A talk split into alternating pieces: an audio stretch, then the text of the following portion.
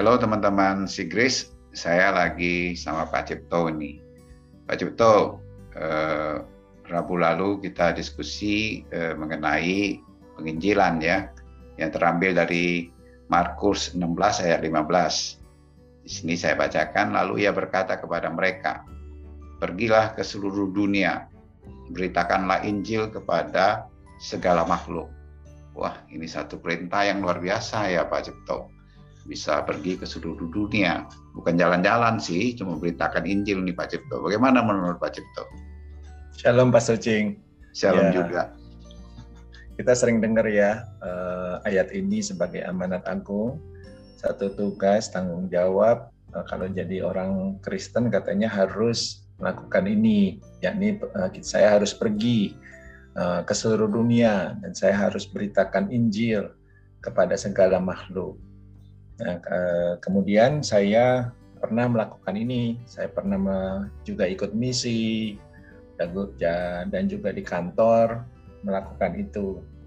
Pengalaman saya sih sekarang saya eh, setelah dicerahkan tentang kasih karunia Tuhan Yesus Kristus yang di mana Dia sendiri eh, merubah hidup manusia menjadi eh, tenang, dan mengalami satu kehidupan ilahi yang dia tebus ketika dia mati di kayu salib untuk memberikan satu kehidupan yang bahagia, yang bersuka cita, yang tidak ada di dunia ini.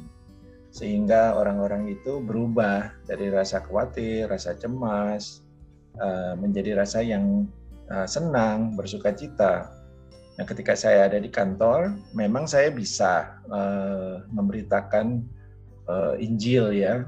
Tetapi saya uh, ketika saya menikmati Tuhan yang sudah ada di dalam saya, yang merubah hidup saya, dan ketika saya enjoy dan ada flow, ada rasa kuasa Dia di dalam saya, saya tanpa mengucapkan Injil itu, saya bisa merubah uh, suasana dari uh, kantor saya dan di, di rumah saya juga uh, demikian karena saya berjumpa atau merasakan hadirnya Tuhan di dalam saya.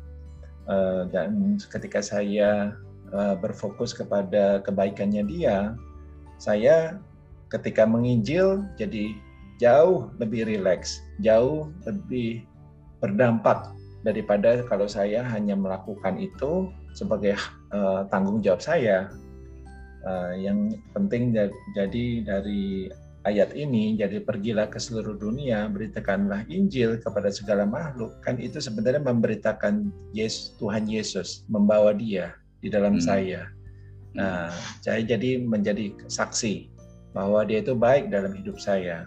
Dan hmm. itu berdampak lebih luas daripada saya melakukan itu dan membaca ayat itu kepada yang lain. Buat saya menceritakan tentang kebaikannya dia jauh lebih baik daripada memberitakan itu secara harafiah. Thank you Pak Secing. Terima kasih Pak Cipto untuk sharingnya luar biasa ini ya. Jadi menginjil ini menjadi sesuatu yang enak, ringan, kayak makan enak aja ya. Kalau makan enak itu kan rasanya kita enak ya. Injil kan berita sangat baik dan luar biasa. Lebih daripada makanan enak yang bisa kita makan. Kalau kita makan enak kayak Pak Cipto, kalau makan enak dia ngajak-ngajak juga sama saya, sama teman-teman yang lain diberitakan. Sehingga ringan-ringan aja, bukan tugas lagi kan, tapi satu kesukaan.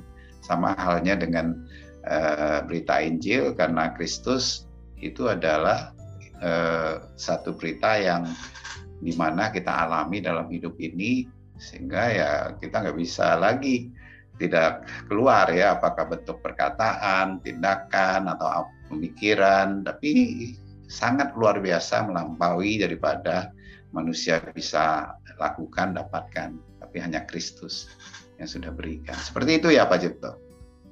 Haleluya, amin Pak Suci. Amin, terima kasih Pak Jipto. Eh, sampai ketemu lagi dalam pertemuan Sigris berikutnya. Tuhan memberkati.